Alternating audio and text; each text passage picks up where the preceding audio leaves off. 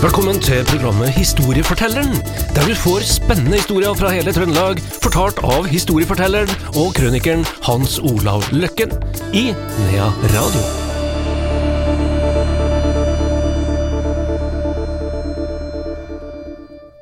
Historiefortelleren er tilbake. Det er også Hans Olav Løkken. Velkommen hit, Hans Olav. Jo, takk, takk. Nå er vi over på, eh, hva skal vi si, eh, jeg skulle si dine enemarker, men ikke akkurat det, men et av dine virkelig store interessefelt, Ja nemlig da. fly. Det er det. Vi skal til Værnes. Skal til Værnes, vet du. Klinger godt, det. Ja, det. Værnesnavnet. Ja, det Det det. er, eh, det er vel knapt noen som vet at jeg bor på Stjørdal, for de vet ikke hvor Stjørdal er hen, men de vet hvor Værnes er hen. Ja, nettopp. Ja, sånn er det, og det er et godt markedsnavn, da. Ja. Her. 1955. 55. Det, det har jo vært en del flystevner på Værnes, og det er veldig få med suksess. Eh, Da, på grunn av været. Og Det skal jeg komme tilbake til senere en gang, men eh, la vi ta et flystevne i 55, da. Og det Hva var 55 huska for, da? Jo, eh, ansatte i NRK streika, var tidlig ute, dem. Elvis Presley viste seg for første gang på TV i USA. Det var jo en stor ting. Stor artist. Det er vel ikke noe tvil om det. Det var to andre store kjendiser som dør det året. Albert Einstein og James Dean. Vest-Tyskland kom med i Nato ti år etterpå. Tenk på det. Det gikk bare ti år. Og i oktober så ble Flesland flyplass åpna. Det er altså noen av de tingene som skjer da. Og så skal da Værnes ha flystevne i 55, søndag 22. mai.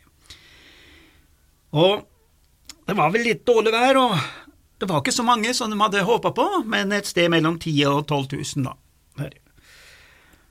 Og eh, det pussige med alle disse flystevnene, det er at journalister og folk er veldig opptatt av hvor mange biler som er parkert. Det har vært på alle ting som jeg har lest om flystevnen på Værnes, så er det omtrent den første som eh, nevnes av journalistene. Hvor mange biler har politiet rapportert, da? Her, det forteller liksom om hvor, suksessen, da. Og da er det en journalist som skriver, og det, det der har jeg vært inne på før, det er veldig artig å se hvordan de ordla seg, journalistene før. Her. Og da er det en journalist som da skulle forklare hvordan politiet eh, dirigerte eh, til parkering, da, for det var liksom politiet som gjorde det den gangen, da. Og da skriver en, en journalist følgende Dirigeringen, Han bruker altså ordet dirigering da på henvisning fra politiet og sånn, så står det dirigeringen gikk elastisk. elastisk, da. Men det, jeg skjønner hva han mener, men det er liksom den måten han, han uttrykker det på, da. Ja, vakkert sagt. Ja, det er vakkert sagt, ja. Og det var jo bilkaravan oppover hele gata, selvfølgelig. Og det kom folk med fjerntog. Det ble satt opp tog helt fra Oppdal og Røros og Steinkjer og, og, og, og overalt, da. Men det begynte å snø, vet du. Ja. Og eh, eh, en indikator eh, selvfølgelig var jo eh, på hvordan det utvikla seg, var jo selvfølgelig at det, det gikk jo bare to timer, så var jo alle pølseboene eh, utsolgt. Altså da, da var mat viktigere enn mer fly, på mange måter. Og, og, og eh, spikeren, da, ganske kjent navn i NRK på den tida, han het Håkon Karlsen. Du kan jo google på han, for han var ganske stor kjendis på den tida. Tromsø. Tromsø, ja. Han eh, eh, holdt da humøret oppe da, på publikum så godt han kunne, og han eh, sånn lakonisk så minner han jo alle på at det snødde, da. Det han prata om. Ja. Det merka han vel. Da, så han, han kalte da været for eh, eh, dårlig skiføre. Type dårlig skiføre. Så det var ikke noe sånn suksess til å begynne med, og det ble jo heller ikke det da. Det kom jo en del kjente flyr og så videre og så videre, og, og, og, Men så hadde vi en kjendis til som var der. Hjallis. Hjallis var innleid, vet du. Ja da. Hjalmar Andersen, skøyteløper. Og han fikk seg en tur med jagerfly. Ja. Og det var ikke så mange som fikk. Og han fikk være med, da, en fin Finn Klevan, opp en tur, og da ble det oppretta en direktesamtale mellom en Hjallis og spikeren, han, eh, han, han Håkon Karlsen. Og eh, satte på lyd og sånn, og da hørte jeg om hvor pusten gikk da, på, på skøyteløperen, som skulle være såkalt godt trena. Ja. Men du vet, han det pusta på æsa noe så jæklig når han møtte G-krafta, da, vet du, og sånn, og, og da har han sagt den uh, jallista, så det gikk ut til publikum at uh, ja, det er ikke bare å kaste armene i svingene her. det er godt sagt, det, da. Men Hjallis var jo en sånn god gutt. Humorist. Ja, han var det, altså. Ja. Trivelig fyr. Trivelig fyr. Men så fikk de et sjokk, da. For det, for det, eh, det var ei frøken, ei som het Olga Berg. Hun uh, stakk av med en Tiger-mott. Det er en sånn uh, gammeldags flymaskin med dobbeltdekksystemer, da.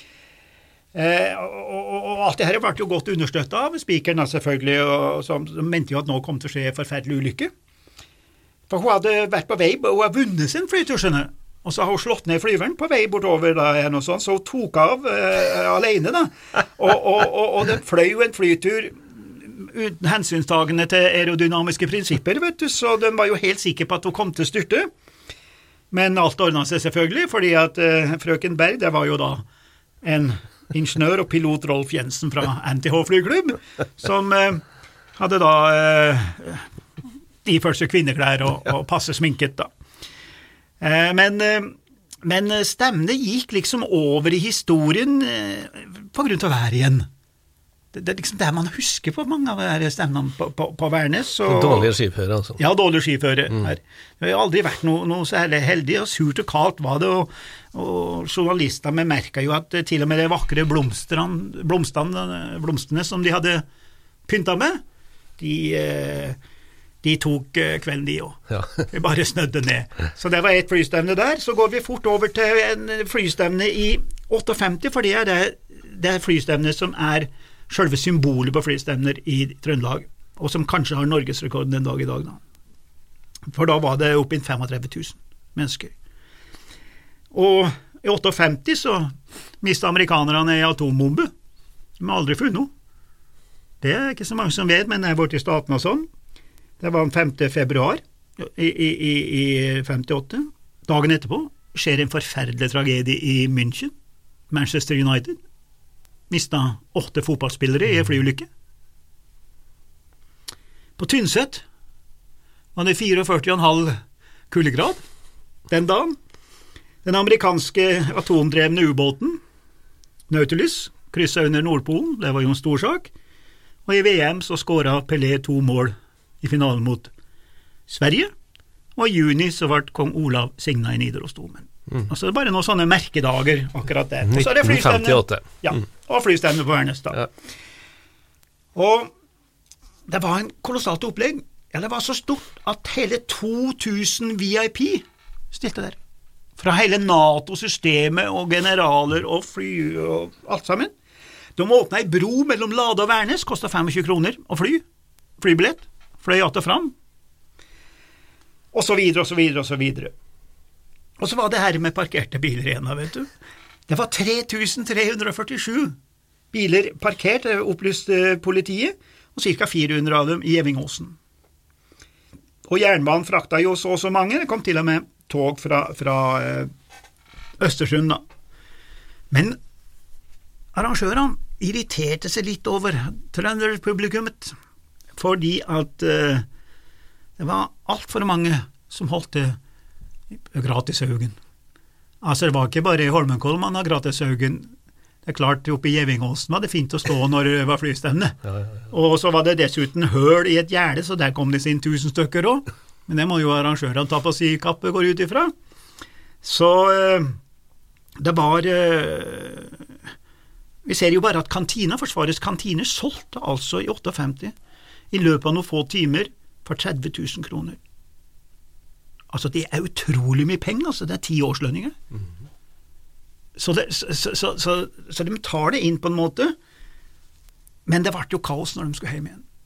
For alle er jo planlagt for arrival, som vi sier, ankomst. Ingen tenker på at de skal hjem igjen, alle sammen samtidig. Og da skjer det noe som er så rart, og som har vært veldig kommentert i avisene. Det var at plutselig så begynte en Ola Dunk å tute med bil, det er noe vi forbinder med sånne land i middelhavsområdet som driver og tuter for den minste ting. Men når trønderne skulle hjem igjen, så var det tuting over hele Gjevingåsen og overalt, for da, da skulle de hjem. Og det er det som som eh, gikk igjen.